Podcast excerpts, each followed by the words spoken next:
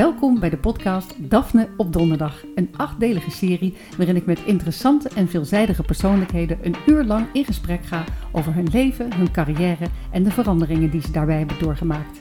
Over intimiteitscoördinatoren op de filmset en waarom het goed is dat die er eindelijk zijn.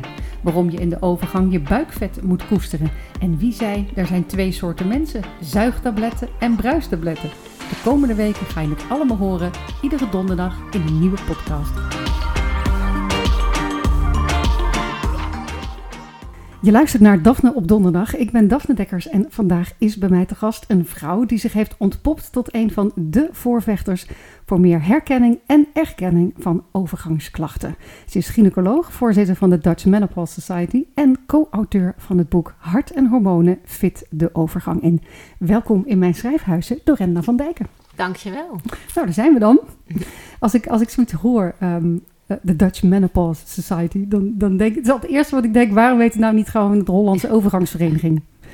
Waar je altijd in het Engels? Ja, dat is een goeie. Maar elk land heeft eigenlijk zijn eigen menopauzevereniging. Ja. En internationaal zijn we verenigd met elkaar, zowel in de Europese als in de International Menopause Society. Oh, En dus die hebben ook groepsbijeenkomsten. Dat, ja, zeker. Heel, heel gezellig. Maar eh, eigenlijk ook internationaal wisselen we heel veel dingen uit. Ja. Zitten we met elkaar samen.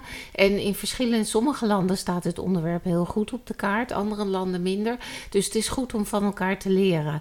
Maar elk land heet dus gewoon Menopause Society. De German, de English, nou noem maar op. Ja. En dus helaas ook de Dutch. Ja. Maar ik moet zeggen, het Ja. heeft ook altijd wat meer show. Hè? Ja. De Menopause Society. Ja, we hebben wel onze. eh wij zijn dus voor zorgprofessionals. We zijn een wetenschappelijke vereniging. Niet voor patiënten dus. Maar we hebben onze website, is dan weer wel in het Nederlands. En die heet De Menopauze Specialist. Kijk, Want daar komt DMS, Dutch Menopause Society, komt daarin terug. Dus toch ook een Hollands tintje Ja, zit ja. aan. Je bent ook eh, voorzitter van de stuurgroep Women's Health. Hè? Daar is hij weer in Engels. Ja. Oprichter van de menopauzepolie en docent aan de opleiding van eh, verpleegkundig overgangsconsulenten. Ja. Je zou bijna vergeten dat je hoofdberoep is gynaecoloog. ja, ik heb ook nog ergens een baan. Je- je schijnt ook nog te ja, werken, ja, toch? Ja, Ja. ik werk ook nog. Ja.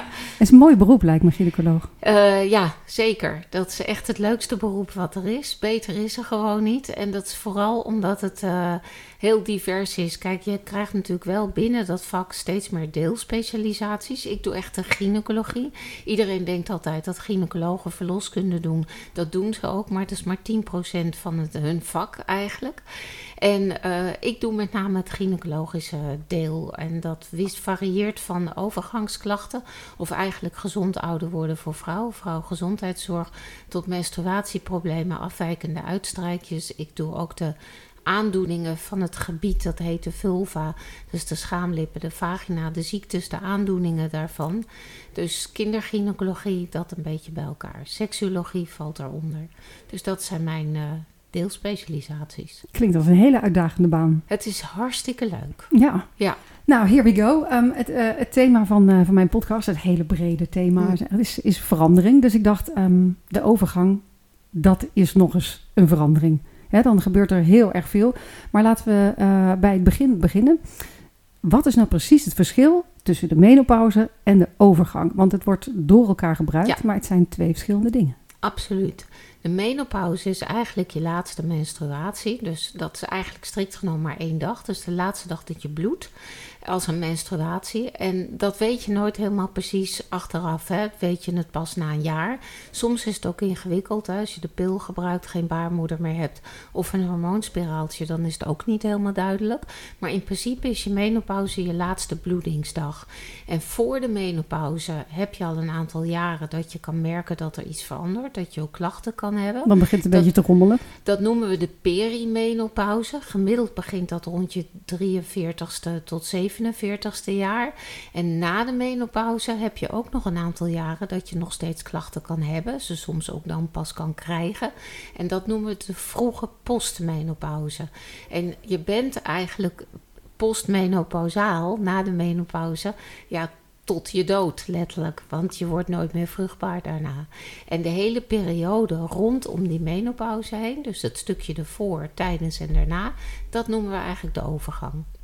Ja, dat is wel een duidelijk verschil, omdat het zo Ja. vaak door elkaar wordt gebruikt. Dus ja, de, het zijn echt twee verschillende begrippen. En ik denk dat het komt omdat het in het Engels vaak alleen menopause wordt genoemd. Ja, maar hebben geen eigenlijk- twee woorden. Nou, ze hebben, noemen het officieel is de overgang de menopausal transition. Oh, dus zij hebben de menopause en de transition. Ja, ja precies. Ja. Dus de menopauze is zeg maar de laatste stempel op je buskaart. En de overgang is de hele busrit. Eh, nou, rondom eh, die laatste buskaart heen, inderdaad. Rondom- Ja, dat klopt. Ja, ja. Ehm, als ik eh, wat cijfers erbij zou pakken, dan zie ik dat 1,6 miljoen Nederlandse vrouwen, as we speak, in de overgang zijn. Ja, en dat is niet elk jaar een nieuwe groep, hè? Dus dat, eh, want gemiddeld de natuurlijke overgangsleeftijd is van 40 tot 60 jaar. En gemiddeld zijn het ruim 1 miljoen vrouwen. Maar je hebt ook een groep vrouwen die onder de 40 al in de overgang is. Soms zelfs op heel jonge leeftijd, hè? 20 of jonger. En als je die groep ook meerekent, plus de groep vrouwen die soms nog tot op hoge leeftijd klachten hebben, dan kom je op die 1,6 miljoen uit. Maar al met al zijn dat een heleboel vrouwen. Ja, hartstikke. Ja, de helft van de wereldbevolking is vrouw, sowieso. En in Nederland dus ook. En dat zijn er best wel veel. Ja, Nou ja, op dit moment is volgens mij meer dan de helft van de Nederlanders boven de 50 jaar. Ja. absoluut. Dus er zijn eh, ook veel vrouwen eh, in de overgang. Ehm, wat zijn nou typische overgangsklachten? Want je hoort iedereen altijd over opvliegers, maar eigenlijk is het een hele grote verzameling van allerlei verschillende klachten. Ja, je, je maakt eigenlijk onderscheid, waar ik het niet helemaal mee eens ben trouwens, in de typische en de atypische overgangsklachten. De typische klachten, daaronder wordt eh, gerekend inderdaad die warmteklachten, hè, de opvliegers. En dat kunnen opvliegers overdag zijn en ook opvliegers 's nachts. En die opvliegers geven altijd een soort domino-effect. Dus dat als jij s'nachts de hele nacht je bed uitdrijft en niet goed slaapt, dan ben je natuurlijk overdag hartstikke moe. Dan ben je niet zo scherp, ja. Nee, en die vermoeidheid kan weer leiden tot bijvoorbeeld stemmingswisselingen, hè, wat labieler zijn of juist een korter lontje hebben. Maar het kan ook leiden tot geheugen, concentratiestoornissen. Dus dat is eigenlijk het effect van het gebrek aan slaap. En dat noemen ze de typische klachten. Ik ben het er niet helemaal mee eens, omdat je die klachten soms ook kan hebben, bijvoorbeeld bij een schildklier die ontregeld is. Of als je heel heftige menstruaties hebt en je hebt bijvoorbeeld last van bloedarmoede of hoge bloeddruk, kan die klachten ook geven. En de atypische klachten, dat noemen ze, hebben ze atypisch genoemd, omdat het ook heel veel andere oorzaken kan hebben. De meest voorkomende klachten daarin zijn met name die stemmingsklachten. En soms zelfs heel extreem. Hè? Echt, ja, een depressie is echt een psychiatrische diagnose, maar je kan echt wel depressieve klachten hebben. Maar ook spier- en gewrichtsklachten kan je hebben. Dat je 's ochtends opstaat en dat je echt even op gang moet komen. Eh, en verder natuurlijk, dat die menopauze is voor ons vrouwen een kantelpunt in ons verouderingsproces, onaardig gezegd. Want als je oestrogeen wegvalt of Mhm. heel erg daalt, dan ga je dat natuurlijk merken in je haar, je huid, eh, Ja, ja, in al je dus de, organen. dus de grote boosdoener hierin is eigenlijk het feit dat je steeds minder oestrogeen aanmaakt. ja. Je oestrogeenwaarde begint al wat te dalen na je veertigste.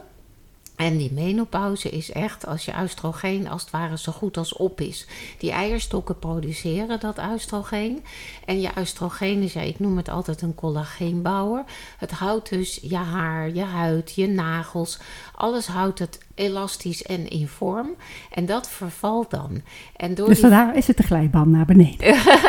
nou, ik heb wel eens Kort een keer geroepen en die is ook wel eens ingepikt. Dat alles gaat eigenlijk hangen behalve je tandvlees. Dat gaat kruipt op. En dat mag ik van mijn tandarts niet meer zeggen. Maar het is, eh, wat je, je ziet dus de beruchte rimpel, zeg maar. Dat komt door het verlies aan oestrogeen. Maar je merkt dus ook dat je haar anders wordt. Dat het dunner wordt. Dat het Maar sneller uitvalt. je Je gewrichten, ja. ja. alles. En je krijgt ook een verandering van je stofwisseling. Dus je krijgt ook een verandering van je figuur. Ik zeg Ja. altijd heel flauw, je wordt van een peer een appel. Dus je krijgt die taille, verdwijnt wat. En je krijgt wat meer buikvet. Wat, daar is niemand blij mee. Maar dat gebeurt wel. Maar ja, het blijft in ieder geval wel fruitig, toch? Het, gaat- blijft absoluut. Ja, maar gynaecologen beschrijven altijd alles in fruit. Hè? En fruit, ja, ook Ja, toen ik ja, zwanger was. ja. Het is nu een peertje, het is nu precies. een watermeloen. En nu ga je dus qua lichaam dus ook nog van een pier nee, maar in de gynaecologen beschrijven... als je ooit een kieste, hè, dat is een holte gevuld met vocht van je eierstokken hebt... Dan is het een wordt druif. het, altijd, een- wordt het in een grapefruit of een mandarijn. Dat, ik weet niet wat dat is met gynaecologen. Nou ja, ze zitten in de fruitige hoek. ja, ja. Maar even terug eh, eh, eh, naar, dat, naar die opvliegers. Ehm, wat is dat nou eigenlijk precies? Waarom krijg je het zo warm? Ja, dat is dat in je hersenen, in het achterste deel van je hersenen, zit de zogenaamde thermoneutrale zone. En dat moet je zien als een soort thermostaatcentrum. En wat je krijgt is dat door de daling van het oestrogeen, je hebt in je hersenen ook allerlei boodschapperstofjes, dat medisch termen heet dat neurotransmitters. En die oestrogenen hebben daar invloed op. Dus wat je krijgt is dat eigenlijk letterlijk je thermostaat ontregeld raakt. Ja, Dus in je hersenen wordt eh, waargenomen dat het bijvoorbeeld buiten heel erg warm of heel erg koud is. En je lichaam gaat daarop reageren. Opvliegers zijn natuurlijk eigenlijk warmteklachten.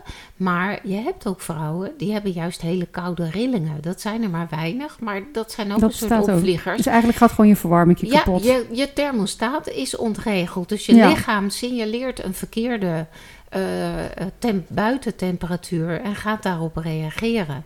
En wat ik altijd wel heel fascinerend vind, is dat 20% van alle vrouwen in deze leeftijd hebben nergens last van. Hè? Die fietsen er fluitend doorheen. Wie maar zijn bij dat? al die. Ja, ik, maar al die eh, vrouwen, bij elke vrouw gebeurt in wezen hetzelfde proces.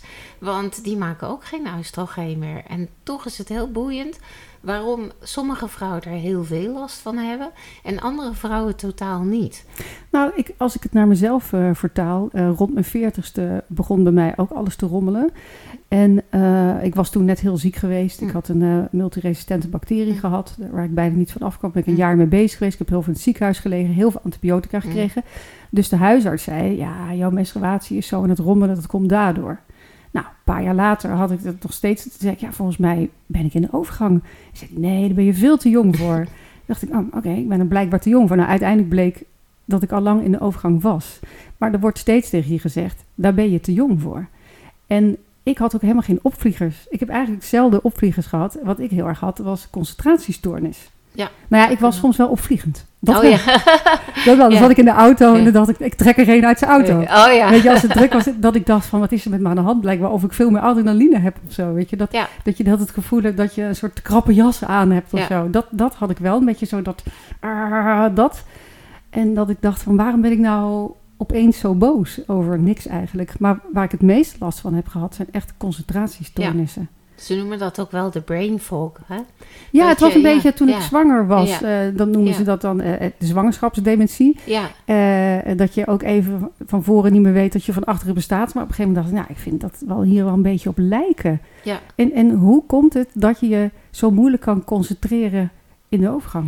Ja, dat is een hele goede vraag, want dat weten we eigenlijk niet precies. Oh, bedankt. Ik heb ja, hier Dorenda ja, van. Dijken, die weet alles. Maar dit nee, weet ze niet. Nee, was het Ze- maar ze waar. heeft een was het maar waar. Nou, wat we wel weten, want we weten er wel iets over. We weten dat dat gedeelte... eh, kijk, als het komt door het slechter slapen, dan is het natuurlijk duidelijk.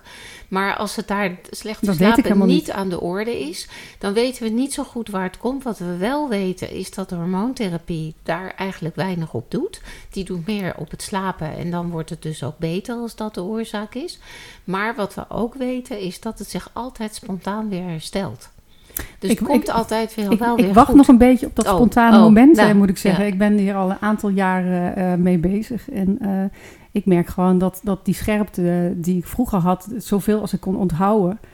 Dat eh, zeker bijvoorbeeld op de middelbare school of toen ik studeerde, ik kon gewoon hele boeken onthouden, hele pagina's. En dan kon ik bladeren in mijn hoofd. Dat je, als ik dan tentamen Ja. had, dacht ik, oh, dat staat ongeveer daar, blader, blader, blader.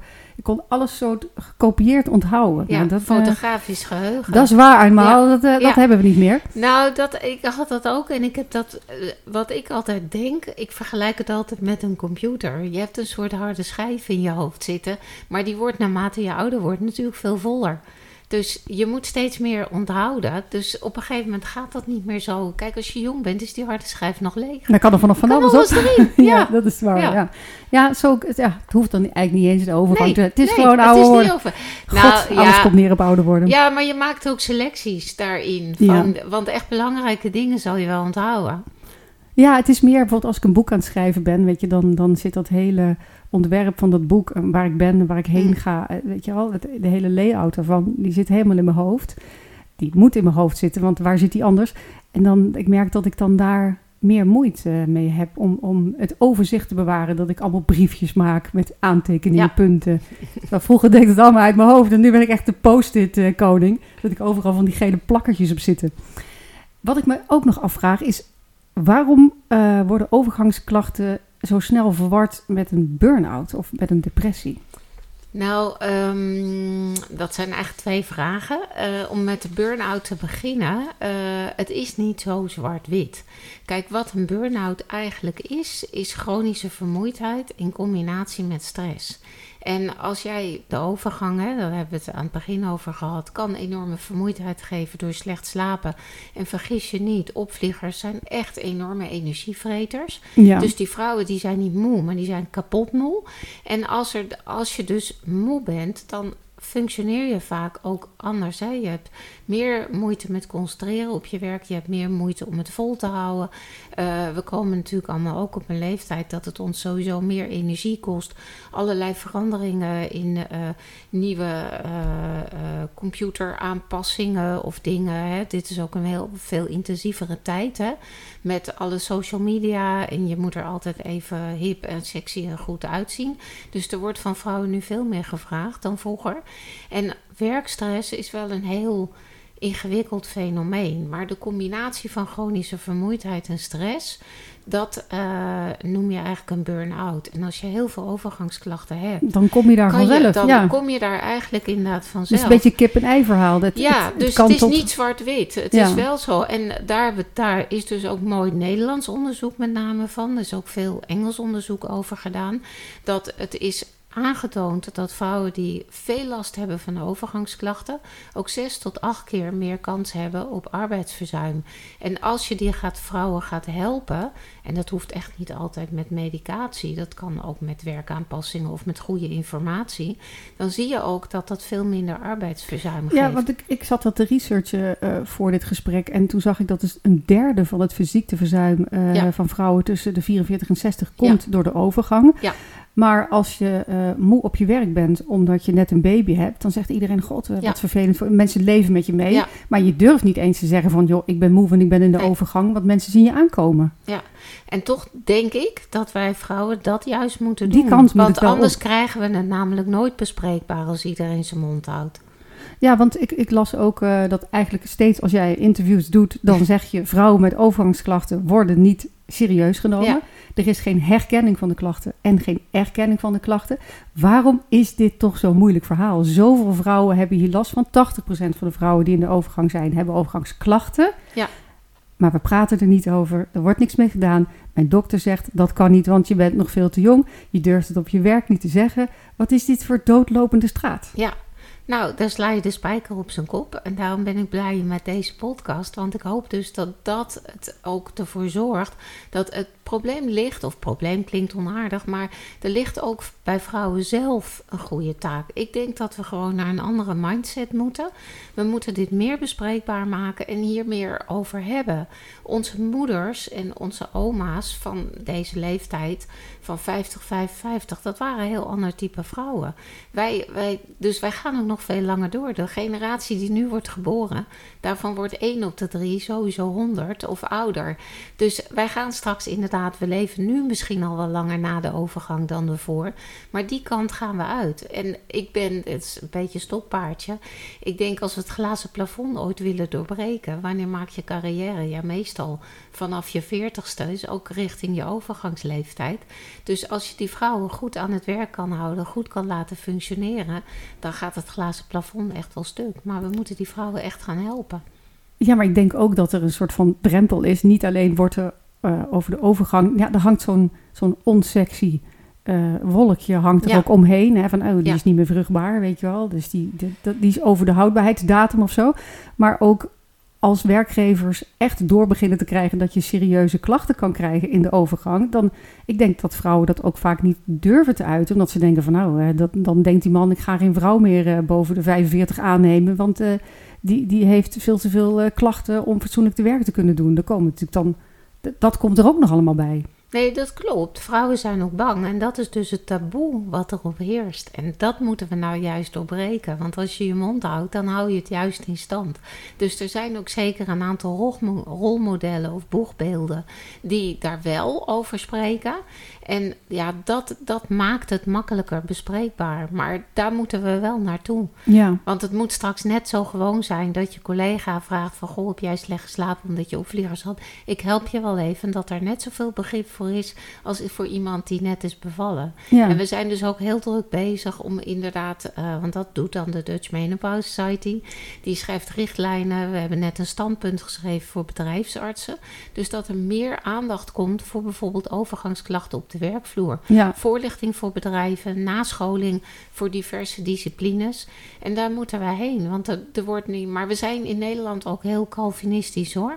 Ja, want ja. Uh, jij zei ook laatst van dat in het buitenland is er al veel Ja. langer aandacht uh, Zeker. voor, voor de overgang en overgangsklachten. En, en is het in Nederland dat idee van niet klagen maar dragen? Datzelfde idee waarom we nog steeds uh, geen prik bij de bevalling en dat soort dingen? Ja, ik, uh, want die roep ik ook altijd. Ik, wij waren in Nederland ook de laatste met pijnbestrijding bij de bevalling. Dus wij zullen ongetwijfeld ook de laatste in Europa of misschien wel de wereld zijn...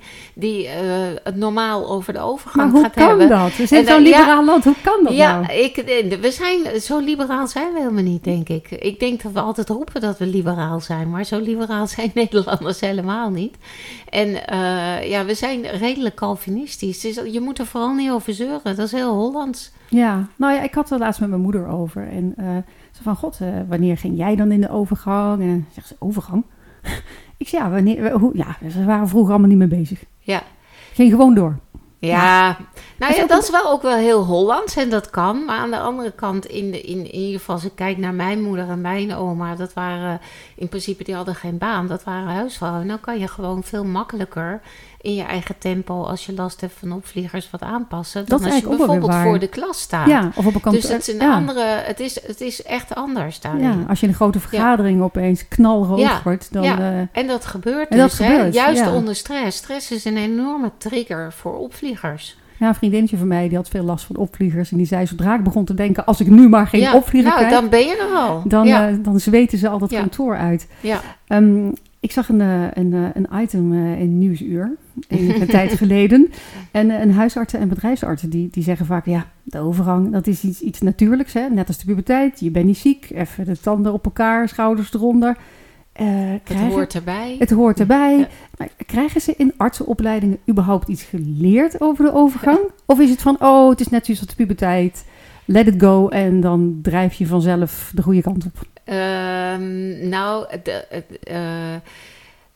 het, kan een stukje beter nog, maar we hebben het nu in ieder geval zover gekregen dat de overgang als onderwerp en dus ook alles wat met, wat met gezond ouder worden voor vrouwen te maken heeft, dat dat in de opleiding komt voor gynaecoloog. Daar dat was niet zo. In.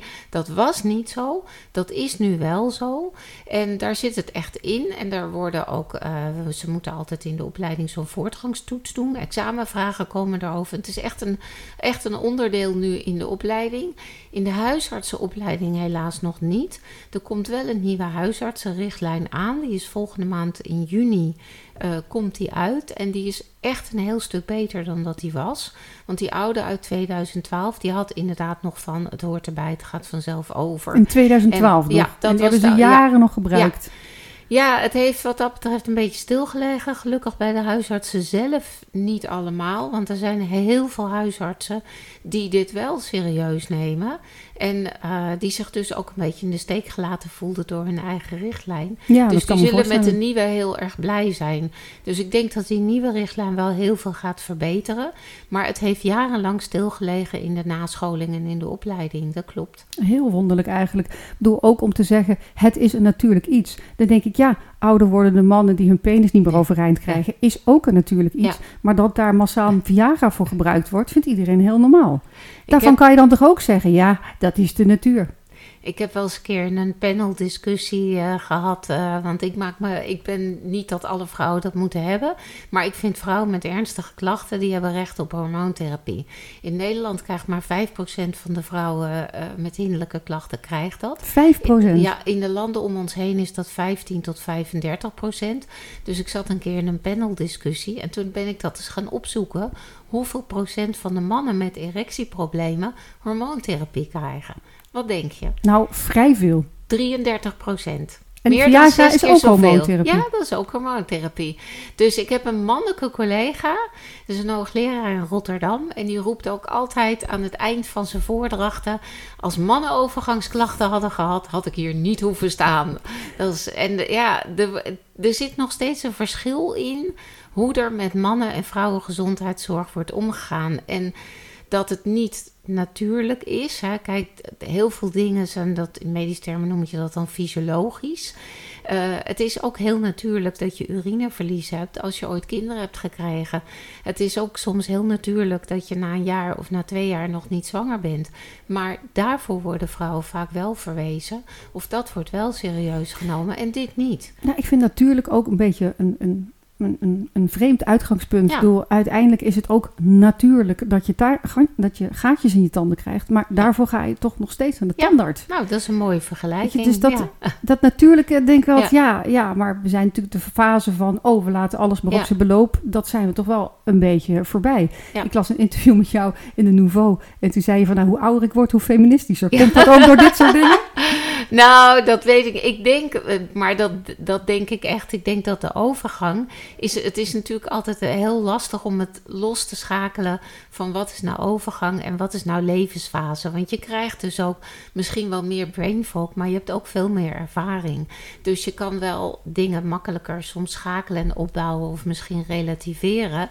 En ik, wat je vaak ook ziet, is dat die overgang voor vrouwen ook iets doet op hun motivatie. Dat vrouwen ineens iets krijgen zo van, nou ben ik eens aan de beurt. Ja. En wat ik met mezelf merk, is dat misschien naarmate ik ouder word, dat ik steeds makkelijker mensen op dingen aanspreek. Als iets me irriteert of uh, dat je daarin ook steeds meer, dat je je drukker maakt om dingen. Dat, uh, ik weet niet wat het is. Misschien nou, is het alleen bij mij hoor. Maar... Nou, nou, je wordt wel wat, wat scherper denk ik ook. De, misschien wordt je haar wat dunner, maar de haar ja. op de tanden. Ja, de maar haar op de tanden, dat, als je dat nu wordt... kijkt naar de, naar de discussie over abortus. Kijk, aan de andere kant zijn wij ook de generatie die het voor de volgende generatie ook goed moeten doen. Ja. Dus daar vecht je ook voor. Ja, ja wil je geen steken laten vallen. Want als ik zie uh, welke kant de wind opwaait uh, tegenwoordig in de maatschappij, dan denk ik, poeh, daar gaan alle vrouwenrechten weer. Dat heeft toch wel iets heel bijzonders. Exact. Jij zei in het begin ook, uh, oestrogeen is de collageenbouwer van, van je huid mm. en, en, je haar. Um, dus, dat, dus die huidveroudering, dat heeft ook al met de overgang te maken. Dat is een soort versnellend proces.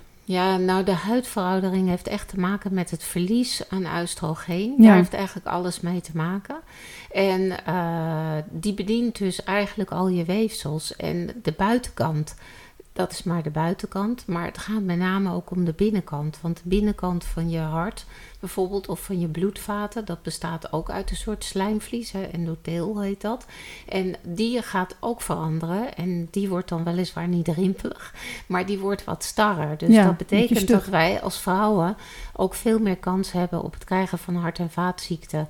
En we gaan op een gegeven moment die mannen inhalen. Want iedereen denkt altijd dat het die ouder wordende, te dikke, rokende man is. Maar met name op iets hogere leeftijd, vanaf 70, gaan vrouwen echt mannen inhalen. Overlijden er meer vrouwen aan hart- en vaatziekten dan mannen. God, dat zijn toch wel dingen die denk ik ook heel veel vrouwen niet weten. Nee, dus vandaar dat, uh, dat is misschien een mooi bruggetje naar het boek van Hart en Hormonen, als ik het zeggen mag. Een heel, heel goed ja, ja, ja, want uh, uh, dat is, als je dus kijkt, kijk, wat we allemaal willen is gezond ouder worden op een goede manier. Maar als je dus kijkt naar wat onze levens uh, ja, wat bepaalt hoe oud wij worden, dat is met name hart- en vaatziekten. Ja, de gezondheid van je vaten. precies, maar ook botontkalking bijvoorbeeld. Maar met stip op één, ja. ja. met stip op één staat nog steeds hart- en vaatziekten. En we hebben destijds het boekje geschreven. Janneke Wittekoek is een cardioloog. We hebben dat destijds geschreven omdat vanaf 40 moet je je daar eigenlijk al bewust van zijn. En moet je ook bewust zijn welke risicofactoren je kan hebben. Bijvoorbeeld als je in de zwangerschap bepaalde aandoeningen hebt gehad, als uh, zwangerschapssuiker, hoge bloeddruk, een, een, zwangerschapsvergiftiging, maar ook als je meerdere miskramen hebt gehad, dan is dat eigenlijk al een teken dat je vaat- en hartgezondheid niet zo goed is. Dus dat je rondom die overgang en vooral na de menopauze, dat je dan meer risico hebt op hart- en vaatziekten. Dus dan moet je dat hart goed blijven en controleren. Dan moet je, ja, dat niet alleen, maar je moet ook zorgen dat je voldoende beweegt. Je moet niet ook zorgen roken. dat je, nou, roken is natuurlijk, uh, ja, roken is, ja, ik, ik heb nooit gerookt, dus ik heb misschien makkelijk praten. Maar als je rook, rokers krijgen ook eerder overgangsklachten. Hè? Zijn erger in de overgang, hebben ergere klachten. En als je ziet wat roken doet, ook voor je huid. Uh, ik, pik, ik pik ze er zo uit. Of vrouwen in de spreekkamer, of ze wel of niet roken. Oh ja, maar zie ook je dat voor aan je haar. huid? Je ziet het aan hun huid, absoluut. Ja. Maak er altijd een beetje sport van. Ik zie helemaal aan je gezicht Ja. dat je hebt het niet zo op roken, hè? Nee, ik ben een felle anti-rookster. Dat is, eh, maar gewoon, en ik ben natuurlijk ook een dokter. Maar als je ook ziet wat het allemaal met je lijf doet en met je gezondheid. En dus ik, ik ben ook een fan van Wanda de Kanter. En ik denk, laat die jonge mensen alsjeblieft niet gaan beginnen met roken. Niet beginnen Niet met roken. aan beginnen. Dan hoef je ook niet te stoppen. Nee, want roken, ik snap hoe moeilijk die verslaving is, want dat is het. En ze zeggen wel eens dat stoppen met roken moeilijker is dan stoppen met drugs of ook met harddrugs. Ja, nicotine is een En hele verslavende ja, stof. Is een hele, ja. ja. dus je moet er gewoon nooit aan beginnen. Ja, maar ik denk maar dat- ik heb makkelijk praten. omdat je nooit gerookt hebt. Ja, Nee. ik heb zelf ook nooit gerookt. Maar roken maakt heel veel kapot aan de binnenkant. En dat Ja. zien mensen niet. Nee. Mensen zijn toch vaak meer bezig met wat er aan de buitenkant gebeurt. Uit de Ja. middelbare leeftijd is de tijd dat het allemaal rond je middel gaat zitten. Ja, dus dat je dus eh, dikker wordt. En, en als mensen denken van wat verandert er aan mijn lichaam eh, als ik in de overgang ga. Dan is het vaak zeg maar, eh, je krijgt een buikje, een beetje zo dat buikvet. En daar zijn mensen veel meer mee bezig dan hoe zit het met mijn aderen? Hoe zit het met mijn hart? Terwijl je dat eigenlijk ook ja, zou moeten controleren. ja, mijn man heeft wel eens geroepen, die zei... Ik vind die buik niet erg, maar ik vind dat gezeur over die buik wel erg. Het gezeur over de buik. Nou, ik las dat jij zei, koester dat buikvet. Waarom Ja. moet je het buikvet koesteren? Ja, dat is ook een beetje flauw gezegd. Kijk, in je uh, oestrogeen is dus heel belangrijk voor je gezondheid, maar er zijn nog meer hormonen die van belang zijn. En je krijgt een andere verdeling, ook een andere vetverdeling door die verandering van die Ja, hormoonbalans. dus van de peer naar de appel. In de, precies. En in dat buikvet, daar, slaan, daar slaat bijvoorbeeld ook een stukje oestrogeen, sta, slaat daarin op. Maar ook een stukje testosteron. Hè. Testosteron is, noemen we altijd mannelijk hormoon, maar dat is onzin. Vrouwen wij hebben dat ook vrouwen natuurlijk. maken het ook. Ja. En testosteron is het hormoon wat je gevoelig maakt voor een seksuele prikkel. En die hormonen slaan zich op in buikvet. Dus dat buikvet is misschien wordt niet mooi gevonden, maar het heeft wel een bepaalde functie. Te Nou, veel is natuurlijk niet goed, maar het is helemaal niet zo verkeerd. Nee, want de eierstokken maken dus geen oestrogeen meer aan. Maar in je, in je buikvet is het nog bal. Weet je? Dus Ja. daar eh, zit Dus ook een niet stuk... heel veel, maar alle kleine beetjes helpen. Want hoeveel eh, kom je aan door de overgang? Gemiddeld kom je door de overgang 2 tot 4 kilo aan. Oh, dat is En helemaal niet zoveel. meer- nee, dat is niet zoveel. Maar wat je krijgt, je krijgt door die overgang een verandering van je stofwisseling. Dus je verbrandt trager. Dat betekent dus ook dat je minder calorieën nodig hebt na die, rondom die overgangen, zeker na die menopauze. En als je dat niet doet, als je net zo blijft eten als eerst, dan klikt het te hard aan. En wat heel geniepig is, door die verandering van die hormonen eh, krijg je ook minder spiermassa. Dus je zal meer moeten bewegen, harder moeten werken om hetzelfde te verbranden dan vroeger. Dus als Het vrouwen. is allemaal min, min, min inderdaad. ja, het is wel min, min, min helaas. Maar als vrouwen hetzelfde blijven doen, dan verandert, ja, dan komen ze dus enorm aan. En Ja. dat was dus onze boodschap. Dat je vanaf je veertigste moet je, als je daar bewust van bent, dan kan je daar bij tijds, kan je daarop acteren. Dus als je hetzelfde blijft eten, ga je Ja. aankomen. En dan denk En je, wat doe ik verkeerd? Want ik eet niet meer. bewegen. Ja. Ja, dus je moet minder eten, ja. meer bewegen Ja. en alcohol. Eh, ja, alcohol eh, is eh, eigenlijk het nieuwe roken, onaardig gezegd. Kijk, alcohol is heel sociaal geaccepteerd. Maar alcohol is een enorme caloriebom. Alcohol, ik lust zelf ook graag een wijntje, daar niet van. Maar alcohol zorgt ook voor slechter slapen. Alcohol zorgt ook rondom die overgang na de menopauze ook voor nachtzweten, voor nachtelijke opvliegers. Oh, dat versterkt? Ja, absoluut. Uh, net als roken, gekruid eten en dergelijke. En alcohol, als je 1 tot 2 glazen per dag neemt, zeg gemiddeld 12 tot 14 eenheden per week, is je risico op borstkanker verdubbeld ten opzichte van als je geen alcohol of veel minder gebruikt. Poeh, ik kan me voorstellen als vrouwen nu aan het luisteren zijn, dat ze denken: oké, dit is gewoon een glijbaan naar beneden. Uh, ik voel me shit en ik mag dan ook geen wijntje meer. Ja, maar dat wijntje. Waar blijft de lol? Ja, nou, er is genoeg lol, maar dat wijntje, dat gaat je. En de lol begint voor sommige vrouwen als ze echt merken dat ze stoppen met alcohol of veel minder drinken. Dat ga je echt merken. Wij, wij zijn thuis al jaren terug begonnen met alleen maar, niet dat iedereen dat moet doen hoor, maar we zijn begonnen met alleen in het weekend een wijntje te nemen en door de week niet meer. Dat, en dat na al een, een tijd was ik er, stond ik er echt versteld van hoeveel fitter ik me voelde en hoeveel beter ik ook overdag kon functioneren. Je hebt het gewoon niet zo in de gaten. van alcohol, alcohol is eigenlijk vergiffen. Ja, ja, dat is ook zo. Ja. Maar ja, we willen niet helemaal de plezierpolitie zijn. Nee, maar dat hoeft ook niet. Maar je moet gewoon zorgen dat je ruim onder die 12 eenheden, het liefst uh, max 8 eenheden per week, ja. dat je daar aan dat zit. Dat je daar echt onder blijft. Ja. Ik, uh, ik zag laatst uh, zo'n meme op Instagram met die, met die zeven Disney-dwergen van oh, ja, Sneeuwwitje. Ja, en iemand had daar de Seven Dwarfs of Menopause van gemaakt. en dat was dan Itchy, Bitchy, Sweaty, Sleepy, Bloated, Forgetful en Psycho. En toen dacht ik, goh, de naam Happy, die zit er niet tussen. Nee. Terwijl, ja, we hebben het er net al een beetje over gehad, maar de overgang heeft toch ergens ook voordelen, toch? Ergens moet het toch ook er moet toch ook een voordeel zijn dat nou vrouwen hier doorheen gaan. Ja, die motivatieverandering, denk ik. Kijk, en wat je ook ziet is dat... Uh, het kiezen uh, voor jezelf. Ja, het kiezen voor jezelf. Maar je bent ook niet meer ongesteld.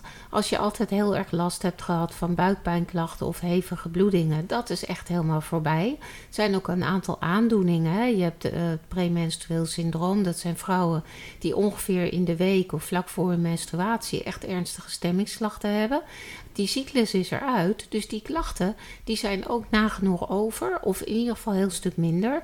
Uh, menstruele migraine. Als je migraine hoofdpijn hebt rond je menstruatie. Dat is, is over weg. na de menopauze. Dat is allemaal weg. Dat zijn positieve dingen, toch? En wat je soms ziet, want dat, uh, ik weet niet of die op je lijst staat. Maar er wordt vaak ook gedacht dat seks rond en na de overgang. dat je je seksleven al in de prullenbak kan gooien. Nou, dat is echt een fabeltje. Er zijn zelfs vrouwen die door de, na de overgang een beter seksleven hebben. En omdat ze de kinderen de deur uit zijn. Ze zijn niet het meer huis ongesteld. weer voor jezelf. Het huis voor hunzelf. Dus ze kunnen vrijen wanneer ze zin hebben op welk moment dat ze willen. En als je al een partner hebt die je wat langer hebt, dan kan je ook vaak beter aangeven. Je kent elkaar beter wat je wel en niet prettig vindt. Dus ik hoor juist gelukkig ook heel veel vrouwen die zeggen: Mijn seksleven is alleen maar beter door de overgang. Zie je, dus dat eigenlijk een fabeltje. Het is dus niet zo dat door, door, de overgang je seksleven. Dat... Nee, daar hebben we uit, is uitgebreid onderzoek naar gedaan. Ook in Nederland, hè, door de groep van onder andere van Ellen Laan en Rick van Lunsen. En wat blijkt dat bij het gros van de vrouwen, en dan moet je echt denken richting 90% of meer, daar was het seksleven daarvoor ook al niet echt je dat. En dan is die overgang vaak net het laatste duwtje. Natuurlijk, als je enorme klachten hebt, dan staat seks uh, niet bovenaan nou, je lijstje. Als je s'nachts je bed uitzweet, dan Precies, denk je niet nou, dan heb je echt geen zin in seks. Maar vaak was het voor die tijd ook al niet zo. En er verandert natuurlijk wel iets aan je slijmvliezen in dat gebied. Dus je zal merken, en dat geldt voor mannen ook trouwens, je zal merken dat de doorbloeding in dat gebied wordt iets minder. Dus je moet er soms iets harder voor werken. Je hebt wat meer tijd nodig. Maar te zijn, en vroeger ging dat wel iets makkelijker. Maar dat hoeft niet per se een probleem te zijn. De overgang is geen ondergang, hè? Nee, dus absoluut. uh, de, de, schrijfster uh, Francine Ome, die is heel uitgesproken over de overgang. ze heeft er zelf ook een boek over geschreven. Omen stroomt over. ze geeft er ook allerlei lezingen over. En ze zegt ook wel mooie dingen, vind ik. Ik ga nu even een stukje citeren wat ze heeft geschreven. Ehm, de overgang is een ander soort volwassen worden. Zoals een puber gaat van kind naar volwassenheid, zo gaan wij van zorgende vrouw naar een vrouw die van zichzelf is. Je ontdekt je eigen waarde en kracht, los van die van anderen, waardoor je de wijze oudere vrouw wordt die je bedoeld bent te worden. De wijze oudere vrouwenenergie is een heel andere energie dan de oudere mannenergie. Dus om evenwicht en balans in de wereld te krijgen, moeten wij goed door die menopauze heen gaan. We moeten de overgang niet onderdrukken of ontkennen, maar aangaan. Herken je dat in je praktijk, de wijze oude vrouwen-energie? Uh, is die anders dan de oude mannen? Dat, dat, nou, dat weet ik. Kijk, vrouwen zijn sowieso anders dan mannen. Daar zijn we nu, nu wel duidelijk achter. En zeker op het gebied van onze gezondheid. Hè. Wij, wij, zeg maar, medicatie wordt door vrouwen ook anders verteerd en opgenomen dan door mannen. Maar is niet heel veel onderzoek op mannen dus, gedaan, ook naar medicijnen? alles is op mannen gedaan, maar vrouwen, vrouwen zijn gewoon geen mannen. Dus er moet meer aandacht komen voor vrouwengezondheidszorg. En ik weet niet, ja, dat zijn van die gezegdes ook de wijsheid komt met de jaren. Ik weet niet of je wijzer bent na de overgang van de voor. Ik denk dat vrouwen zichzelf soms ook heel erg onderschatten. Want wij zijn gewoon allemaal hartstikke wijs. Dus daar, dat uh, waren we al. Die, dat waren we al. daar heb je die hele overgang niet voor nodig. Dus, en sommige dingen vind ik wel heel mooi. En sommige dingen ben ik het ook niet helemaal mee eens. Want waarom zou je na de overgang wijzer zijn dan ervoor? Misschien ben je altijd inderdaad al wijs geweest. En misschien, ik denk ook niet. Het is een beetje deel van, het, van het sprookje. Eigenlijk. Ja, maar ik denk ook niet dat je de overgang. Kijk, natuurlijk moet je dingen accepteren. Maar je hoeft echt niet alles te accepteren. Als je ergens last van hebt. En dat is voor elke vrouw weer anders. Maar we houden altijd aan als het je belemmert in je functioneren dan, uh, ja, dan heb je er dus dermate last van dat je er iets mee moet. En dat geldt ook voor pijnklachten, dat geldt ook voor een bevalling. En dat geldt wat mij betreft dus ook voor de, ook overgang. Voor de overgang. Ja. Nou, nog even over die, die oude mannenenergie. Want dan moet ik meteen even aan die mannen eh, denken. mannen krijgen toch ook, als ze ouder worden, een dip in die hormonen? Nee, die uh, mannen krijgen het, het, het, mannelijk hormoon, hè, wat dus niet helemaal zo is. Dat is het hormoon testosteron. Dat wordt niet minder. Dat wordt in de loop der jaren wel minder, maar veel geleidelijker. Wij hebben natuurlijk echt een enorme dip in onze oestrogenen. En mannen hebben geen dip in hun testosteron. Oh, En waar het vaak mee verward wordt, is echt met levensfaseproblematiek. Want natuurlijk doet het ouder worden, doet ook iets met je. En dat wordt ook ingegeven door het feit dat je kinderen ineens volwassen zijn, maar ook doordat je ouders ouder worden. Je moet gaan mantelzorgen. Dus jij bent, dan weet je gewoon, ik, dat is mijn volgende generatie. Dus, en dat geldt voor mannen ook. Dus en ouder worden. En misschien is dat ook wel onderdeel waar we het in het begin over hadden van de taboe van de menopauze. Ouder worden is gewoon over het algemeen niet geaccepteerd. We moeten er allemaal jong en leuk en fris en fruitig uit blijven zien. Maar ouder worden is gewoon niet sexy. En dat is toch jammer. Nou ja, iedereen wil oud worden, maar niemand wil het zijn. Ja, dat heb ik ook wel eens geroepen. ja. echt. ja. Maar ja, het is toch toch komt die rekening vooral bij vrouwen terecht. Ik, ik merk dat, dat, mannen, dat, uh, dat mannen daar eigenlijk veel minder moeite mee hebben. Weet je, als, als een man een dikke eh, buik heeft, dan zegt hij ja, goed gereedschap hangt onder een afdakje. Ja, Weet je, dus die, op een of andere manier uh, gaan mannen er ook heel anders mee om of zo. Ja, maar dat, ik denk dat dat ook iets is wat met beeldvorming en misschien wel met media of social media te maken heeft. Een, een man die grijs is, hè, neem George Clooney, die wordt nog steeds als heel knap gezien. Dat is een silver fox. ja, precies. Terwijl voor vrouwen moet je gewoon een oud grijs worden, dan ben je gewoon een oud wijf. Ben je geen silver fox? Nee, helemaal niet. Dus daar, dat, dat is dus ook iets wat wij onszelf aandoen daarin. Hè? Als een, uh, een, een, een man uh, zijn kinderen naar school brengt met de auto, dan uh, is het een leuke vader, zorgzame vader. En als een moeder dat doet en niet koffie blijft drinken met de andere moeders, dan is het een moeder die te gehaast is en die snel de kinderen dumpt of zo. Er wordt heel verschillend nog naar mannen en vrouwen gekeken. Ik woon zelf in Amsterdam, hè, in het reservaat van Amsterdam Zuid. En daar zie je dus, daar, dan denk je regelmatig van: is het nou de opa of is het nou de vader met die bakfiets? En dat is heel gewoon. De tweede leg. ja, de tweede leg. En dat geldt voor mannen wel en voor vrouwen niet. Dus er wordt nog steeds een soort stigmatisering van oudere vrouwen. En daar moeten we gewoon echt vanaf. Ja, daar moeten we nog klaar mee zijn. Maar we hebben nu heel veel problemen benoemd. Uh, ik wil nu even naar de oplossingen. Uh, want wat kunnen we doen? Door, jij bent dag en dag uit bezig um, voor meer herkenning en erkenning. Voor ja. um, uh, overgangsklachten. Um, gedragsverandering. Uh, we hebben drie oplossingen: gedragsverandering, supplementen en hormoontherapie. Laten we beginnen met uh, gedragsverandering. Uh, jij zei, opvliegers worden erger door stress. Ja. Dus het is wel een goed idee voor vrouwen in de overgang om te proberen in ieder geval de stress in hun leven Ja, dat is makkelijker gezegd Ja. dan gedaan. Want stress heb je niet altijd in de hand. Nee. Stress is eigenlijk nog nooit ergens goed voor geweest. Nou, zeker wat je net ook zei. We zitten natuurlijk ook in een soort kluwen ja. van, eh, van eh, mantelzorg en eh, kinderen in de puberteit of kinderen gaan het huizen. Er gebeurt natuurlijk heel veel in het leven van de ouder wordende vrouw. Ja. Dus vermindering van stress is dan misschien niet de makkelijkste oplossing. Nee, maar je kan. eh, eh, kijk, als je. Vermoeidheid is natuurlijk ook. maakt je gevoeliger voor stress. Dus als je stress kan vermijden en structuur aanbrengen. Hè, zoals met jouw briefjes. doe ik trouwens ook hoor. Met die briefjes. Dat, dat geeft structuur en Ja. dat geeft minder stress. Want je hebt het idee dat je het onder controle hebt. En je, er zijn dus heel simpele aanpassingen in dagelijkse dingen. En je, ik roep ook altijd: delegeren moet je leren. Want wij zijn als vrouwen ook heel erg gewend alles zelf te doen. Wij, wij kunnen het natuurlijk namelijk ook beter dan die mannen. Maar dat multitasken heeft bijvoorbeeld niks met hormonen te maken. Het is gewoon een kwestie van efficiëntie. En mannen kunnen dat net zo goed. Ja. Maar als wij het altijd voor ze doen, dan doen ze nooit wat zelf. En je zal versteld staan dat je kinderen ook best wel zelf hun sokken in de wasmand kunnen gooien. Ja. Dat, eh, Ja, ik vind Dus- het zo mooi wat Oprah. Winfrey zegt. Dat Ja. je wordt behandeld door mensen zoals jij ze hebt geleerd. Ja, dat ze je kunnen nou, behandelen. maar daarmee dus gewoon ze de uitbesteden. spijker op zijn kop. Gewoon uitbesteden. En die mannen doen dat ook. hè. Als die mannen de krant lezen en een biertje drinken, moet je ze vooral niet iets vragen over een afspraak in het weekend, want dan zijn ze bezig. Dus die doen maar één ding tegelijk. En wij moeten dus als vrouwen de kunst van de mannen afkijken en veel meer dingen ons focussen op één ding en anderen ook wat meer dingen laten doen. Dus we hebben het inderdaad ook een klein beetje misschien aan onszelf te danken. Ik ben er ook niet zo goed in. Maar, is het, Maar- is zit er ook een, een kern van waarheid in dat het oestrogeen, dat is toch een beetje ook het, het verzorgende. eh, En, en dat als dat minder wordt en je krijgt iets meer testosteron, dat je vanzelf wat, wat pittiger wordt? Dat je, Nou, je, je testos, het is een fabeltje dat testosteron iets te maken heeft met je eh, emotie of met je spierkracht of energie of hoe fit je het voelt. Dat is dus niet zo. Oestrogeen is wel gehaakt aan het hormoon bijvoorbeeld serotonine of aan oxytocine. Maar dat kan je ook aanmaken door leuke dingen te doen of door met mensen te knuffelen.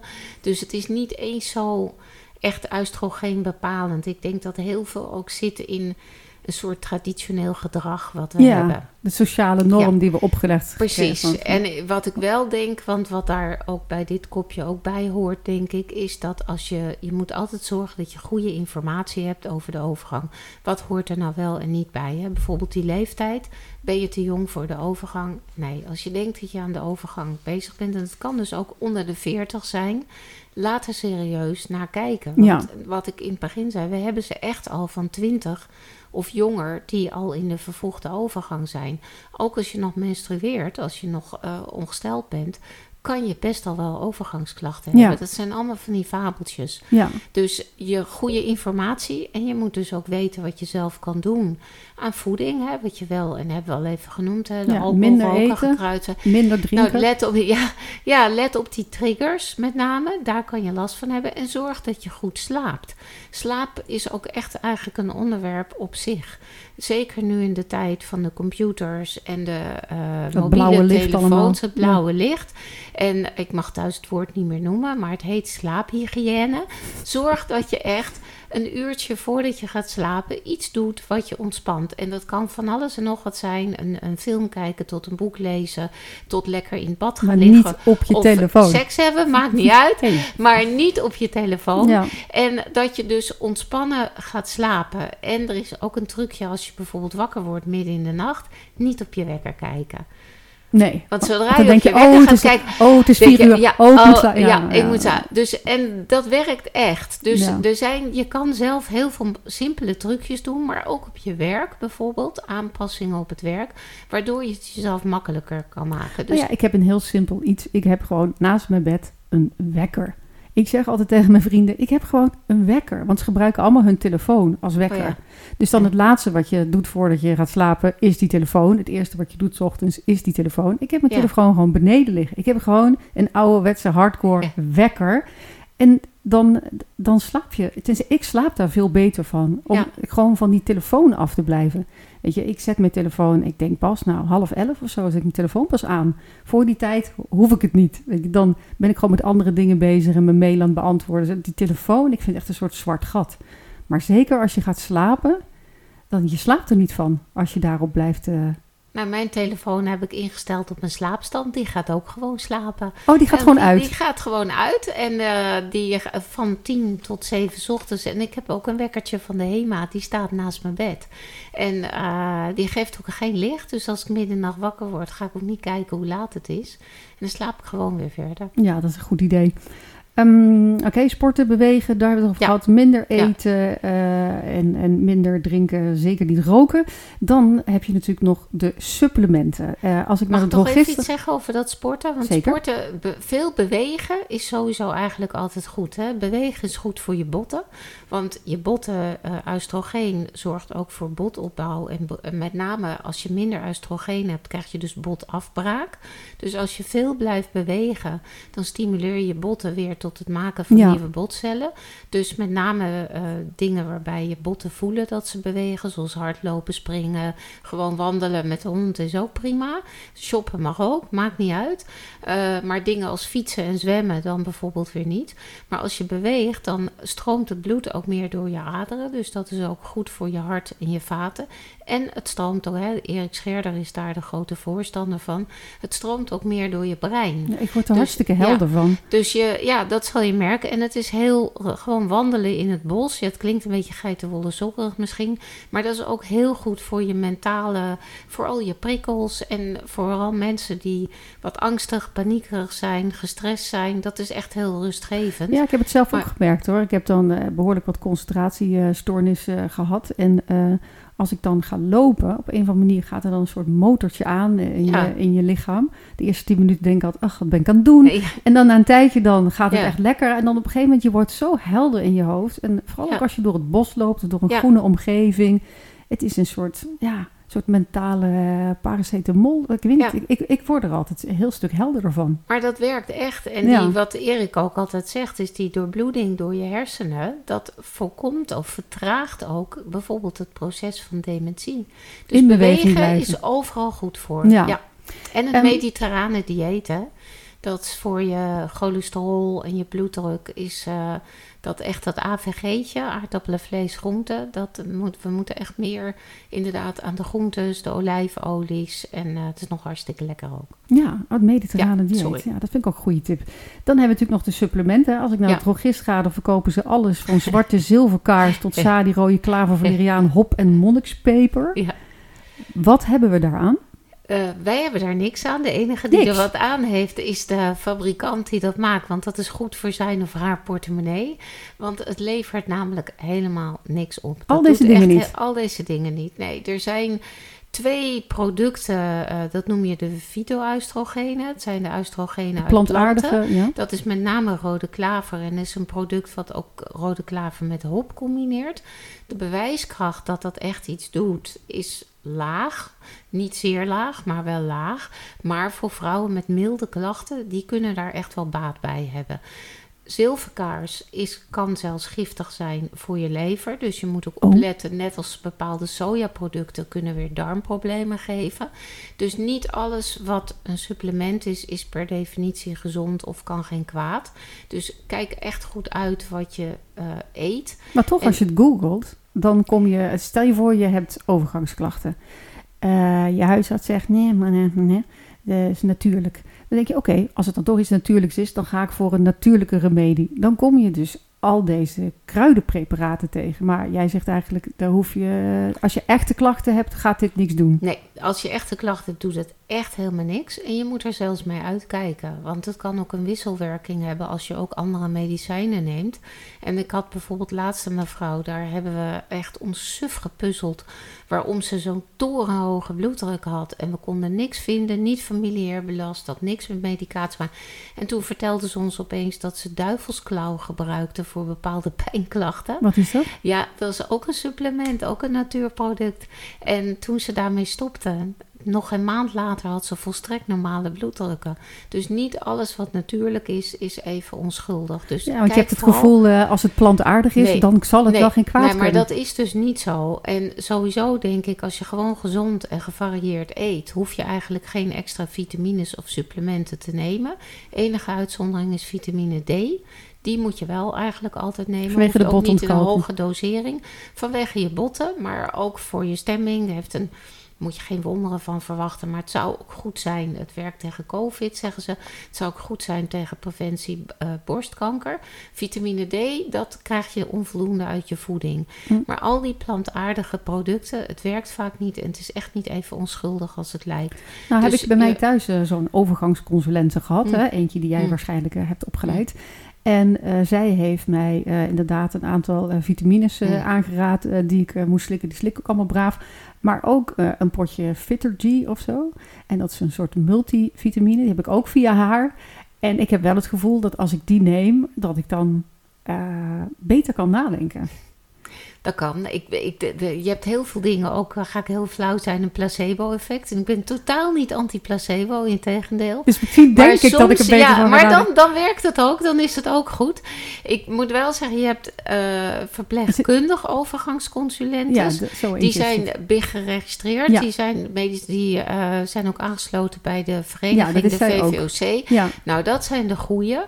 En uh, er zijn ook heel veel mensen, vrouwen, uh, mannen ook, die zich hormoonspecialist of overgangsconsulent noemen. Want het is geen beschermde titel.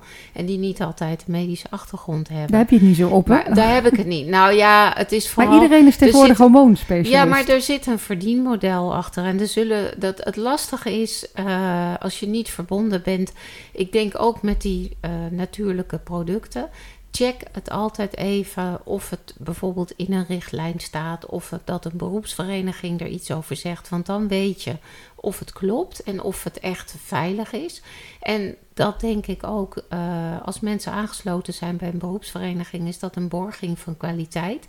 Betekent niet dat die anderen allemaal geen kwaliteit hebben, maar er zitten hele goede tussen, maar ook helaas minder goede. Maar heb je er nou vaak bonje, zeg maar, met uh, de gynaecologen, zeg maar, en de mensen die vanuit medisch perspectief naar overgangsklachten krijgen en zeg maar de de natuurgenezershoek? Zit, zit dat elkaar in de weg? Want jij zegt nou, die preparaten werken eigenlijk niet, maar daar zullen zij natuurlijk niet mee eens zijn. Nee, maar dat, dat, kijk, daar zit natuurlijk wel een verschil tussen. Hè. Wij vinden dat alles wetenschappelijk bewezen moet zijn, evidence-based. En evidence-based is echt niet heiliger dan heilig hoor, want daar is ook wel wat op aan te merken. Nee, maar de medische maar je wetenschap moet wel weten wat, wat voor effect het heeft, wat het doet voor je gezondheid. En wat we bijvoorbeeld ook hebben ingebracht in de uh, gynaecologenrichtlijn, dat is het stuk wat ik onder andere heb geschreven, is over de traditionele Chinese acupunctuur voor overgangsklachten. Want dat is wetenschappelijk bewezen dat het werkt. En datzelfde geldt voor die fytoöstrogenen. Je moet alleen wel kijken ook naar de bewijskracht. En die acupunctuur staat bijvoorbeeld ook op thuisarts.nl genoemd. Dus het hoeft elkaar echt niet te bijten. Wat doet acupunctuur dan voor de overgang? Waar prikken ze dan in? Ja, dat weet ik dus niet. Want uh, ik ben geen acupuncturist. Maar ze prikken dus op bepaalde. Ja, nou ja, ik weet het niet. Ik, je moet het maar gewoon niet vragen. Het is glad ijs, want ik weet het niet. Maar, het maar er is wetenschappelijk onderzoek gedaan. Waarbij ze dus ook zeg maar nep geprikt hebben. Dus niet op de goede. En daar zat echt verschil in bij vrouwen. En ook daarvan is de bewijskracht laag. Dus het zal niet voor iedereen werken. Maar er zijn heel veel vrouwen die er baat bij hebben. En er wordt bijvoorbeeld ook acupunctuur toegepast voor vruchtbaarheidsproblematiek. En nog voor bijvoorbeeld hoofdpijnklachten ook. Dus het is echt niet zo. En ik denk zelf altijd, wij als medici, wij zijn natuurlijk ook, wij stammen ook af van de medicijnmannen. Dus zover ligt het helemaal niet uit elkaar. Maar er is wel business. En uh, er wordt heel veel reclame gemaakt voor producten die niet altijd echt effect hebben. En nou, niet effect hebben vind ik één ding, maar giftig of verstorend of bloeddruk verhogend. Dat vind ik dan weer een ander ding. Ja, ja, dus ja. Oké, komen we aan, uh, ja, aan, aan, aan het laatste uh, wat dus echt helpt. En dat is hormoontherapie. Um, maar voor we het daarover gaan hebben, even nog Frans, terug naar Francine Ome. Want Francine Ome, Francine Ome, ik struikel het over haar naam. Um, die, uh, ze heeft dus veel over de overgang geschreven, ook over haar eigen overgang. Maar die blijkt dus helemaal geen voorstander te zijn van hormoonsuppletie. Um, ze zegt dat het dodelijke bijwerkingen heeft in haar boek. Uh, maar die worden onder het vloerkleed geschoven omdat er heel veel geld verdiend wordt aan hormoonsuppletie. Wat jij net ook zegt over zeg maar, alle supplementen, dat zegt zij over hormoonsuppletie. En ze zegt dat je dan niet meer zonder kan, want er is geen afbouwprotocol. En zodra je stopt met de hormoonsuppletie, dan begint de ellende weer van vooraf aan. Nou, laat haar lekker roepen. Want het feit dat ze dit roept geeft al aan dat ze er eigenlijk niks van weet. Hormoonsupplettietherapie kost namelijk bijna niks. Je hebt het in verschillende vormen: tabletten, spray, pleisters en gel. En een tube gel kost nog geen tientje en daar doe je twee maanden mee. Dus daar is een farmaceut niet rijk van het nee, worden. Nee, dat is precies de reden waarom wij in Nederland zo weinig producten hebben. Want het kost namelijk helemaal niks. Dus we hebben hier weinig afname, dus ze verdienen er hier niks aan. Wij worden geen van allen door de industrie.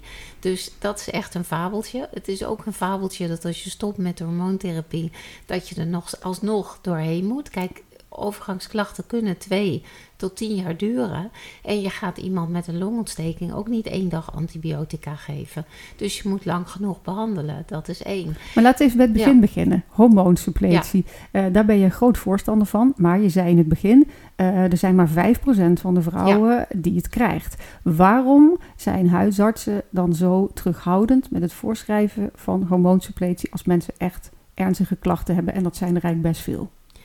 Um, ja, het zijn veel vrouwen met klachten, maar ik denk ook dat er, je ziet echt een verandering. Er zijn heel veel huisartsen die wel voorstander zijn, die het ook voorschrijven. En zij, ik denk dat huisartsen een beetje de dupe zijn geworden. Uh, ruim 20 jaar geleden is er in Amerika een heel groot onderzoek geweest, omdat hormoontherapie werkte als een tierenlier. En toen zijn ze vrouwen die veel ouder waren, denk aan 60, 70, 80 plus, zijn ze ook hormoontherapie gaan geven. Bepaalde producten die in Europa nooit op de markt zijn geweest. En dat bleek dat in die groep vrouwen kwam per 1200 vrouwen één extra geval voor van die borstkanker kreeg. En een journalist is met die studie aan de haal gegaan en die heeft dat in de, als een kop in de krant gezet dat hormoontherapie 26 keer meer kans op borstkanker gaf. Nou, dat, dat hoor nieuws, je nog steeds. Als je zegt hormoonsuppletie, ja, zeggen ze borstkanker. Nou, dat is dus waar wij in Nederland last van hebben. Die beeldvorming, die is in Nederland heel hardnekkig. In alle andere landen om ons heen weten ze al lang dat dat een oud verhaal is. Dat dat te maken heeft met een oudere populatie en heel andere producten. Die in Nederland niet eens te krijgen nee, zijn. Eigenlijk werken we tegenwoordig alleen nog maar met wat ze ook wel eens bio-identiek noemen, hè, lichaams-eigen. Mhm. Mm -hmm. En we werken met veel lagere doseringen, dus dat is veel veiliger. En ja, even over die lagere dosering. Ja. Want uh, ik heb ook wel vriendinnen die zeiden van nou, ik hoef niet uh, aan de hormoontherapie, want ik slik gewoon de pil door. Maar de pil heeft toch Nee. veel meer hormonen dan overgangshormonen? Ja, je kan zeggen ongeveer grofweg hè, dat als je een jaar lang hormoontherapie slikt, staat gelijk aan drie weken de pil slikken. Drie weken? Ja. De uh, anticonceptiepil bevat een synthetisch oestrogeen. Dat is niet natuurlijk, dus dat heeft ook een veel hoger risico op trombose. En de pil heeft een heel ander uh, mechanisme. De pil legt je eigen hormoonhuishouding plat. Die neemt het over, hè? dus dat is de grap. Daarom onderdrukt het je ijsprong, maar ook je menstruatie. Dus dat is ook veel sterker. Hormoontherapie is veel lichter. Het, wordt zo'n bijna een promopraatje, is niet de bedoeling. Maar je hebt ook een... Uh, het heeft geen tot bijna geen tromboserisico. Hangt een beetje van het product af. En je stuurt aan, je vult een stukje tekort aan. En met een pil is dat heel anders. Je hoort ook heel veel vrouwen die van de pil juist stemmingsklachten krijgen. Of die van de pil opmerken dat hun seksleven wel achteruit gaat. Want Omdat ze veel dat minder zin hebben. Ja. oestrogeen Ja. vangt namelijk je testosteron weg.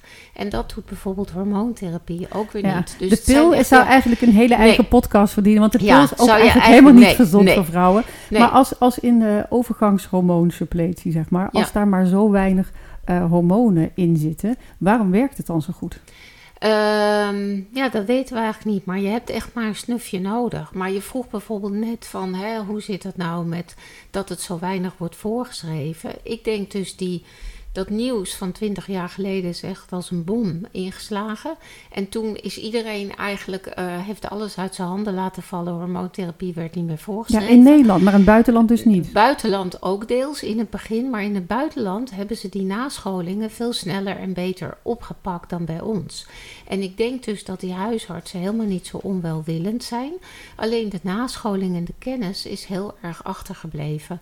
En ja, als ik, ik werk met heel veel huisartsen samen. En er zijn zelfs een paar die weten eh, zo niet meer dan ik van hormoontherapie. En die weten ook eh, zo, en het is ook geen hogere wiskunde. Hè? Je moet je gewoon aan een aantal regeltjes houden. En dat kunnen zij prima. En er is helaas, maar zo zijn er ook nog zat gynaecologen die er niks van weten. En er zijn ook wel huisartsen die er wat minder mee hebben. Ja, want ik las bijvoorbeeld dat een huisarts zei van ja, maar uh, het is een modeverschijnsel. Weet je, opeens heeft iedereen last van de overgangen, moet een hormoonsuppletie komen. Uh, uh, en ik ben tegen het medicaliseren van de overgang.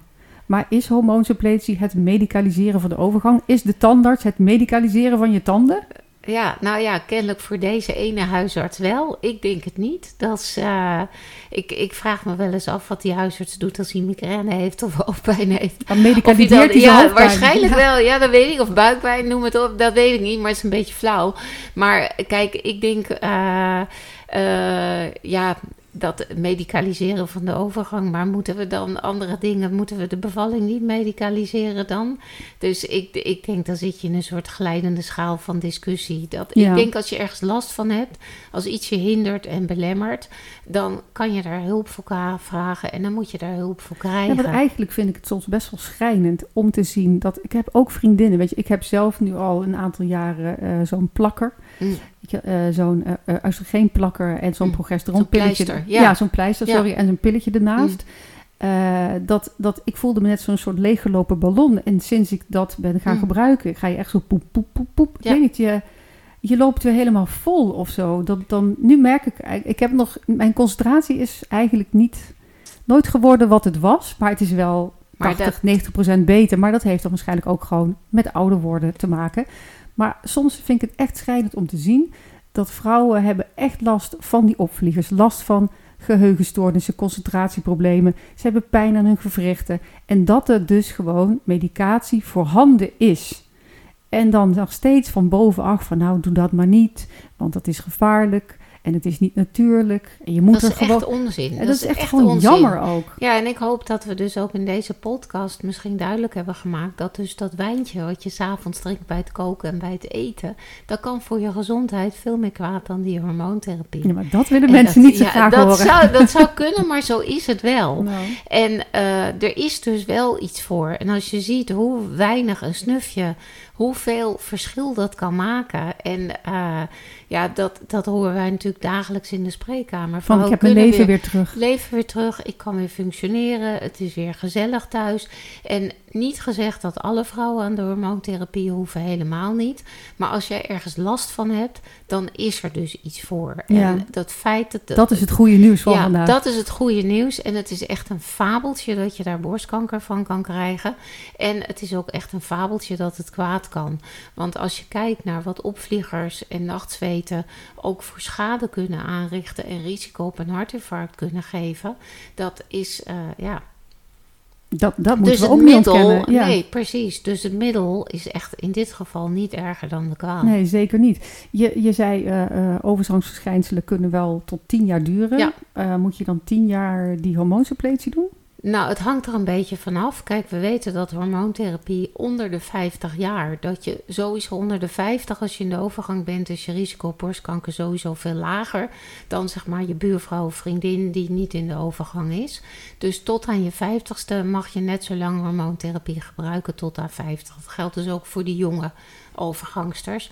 En boven de 50 hangt het een beetje af van je risicofactoren. We weten bijvoorbeeld dat overgewicht, hè, en dan hebben we het echt over flink overgewicht, dat dat echt een verhoogd risico op borstkanker geeft. Je moet dus ook inderdaad kijken naar leeftijd. Vanaf 50 krijgen wij als vrouw een verhoogd risico op borstkanker cadeau, hè, gratis en voor niks, 10 tot 12 procent. Puur op basis van de leeftijd. Dus boven de 50 letten we altijd wel op hoe lang je het geeft. In principe probeer je binnen de vijf jaar te blijven. En het liefst zo laag mogelijk. En Ja. we hebben geleerd van die studie dat je dus het eh, risico op borstkanker is afhankelijk van het type progesteron wat je geeft. En we werken dus in Europa echt al jaren met twee veilige types progesteron. Die komen nu ook in de nieuwe huisartsenrichtlijn, worden die ook genoemd. En daarmee zit je dus veilig. Maar er zijn ook types progesteron die niet veilig zijn.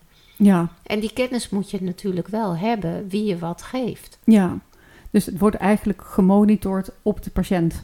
Ja, patiënt. Het is echt Het, zorgen. voelt, Het- het voelt niet als een ziekte. weet je nee. Het nee, is- dat ze de verpleegkundige overgangsconsulenten zeggen altijd cliënten. Cliënten. Ja, maar goed, ik ben een dokter.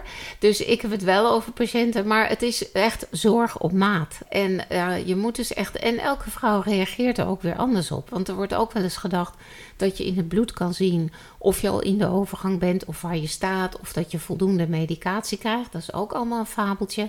De ene vrouw heeft genoeg aan een lage dosering pleister. of zelfs een halve pleister. En de andere vrouw moet weer een iets hogere dosering hebben. En je moet het ook blijven monitoren. Hè? Die overgang is geen eh, statisch proces. Het, er zullen fases zijn dat het wat beter gaat. En dan soms weer wat meer klachten.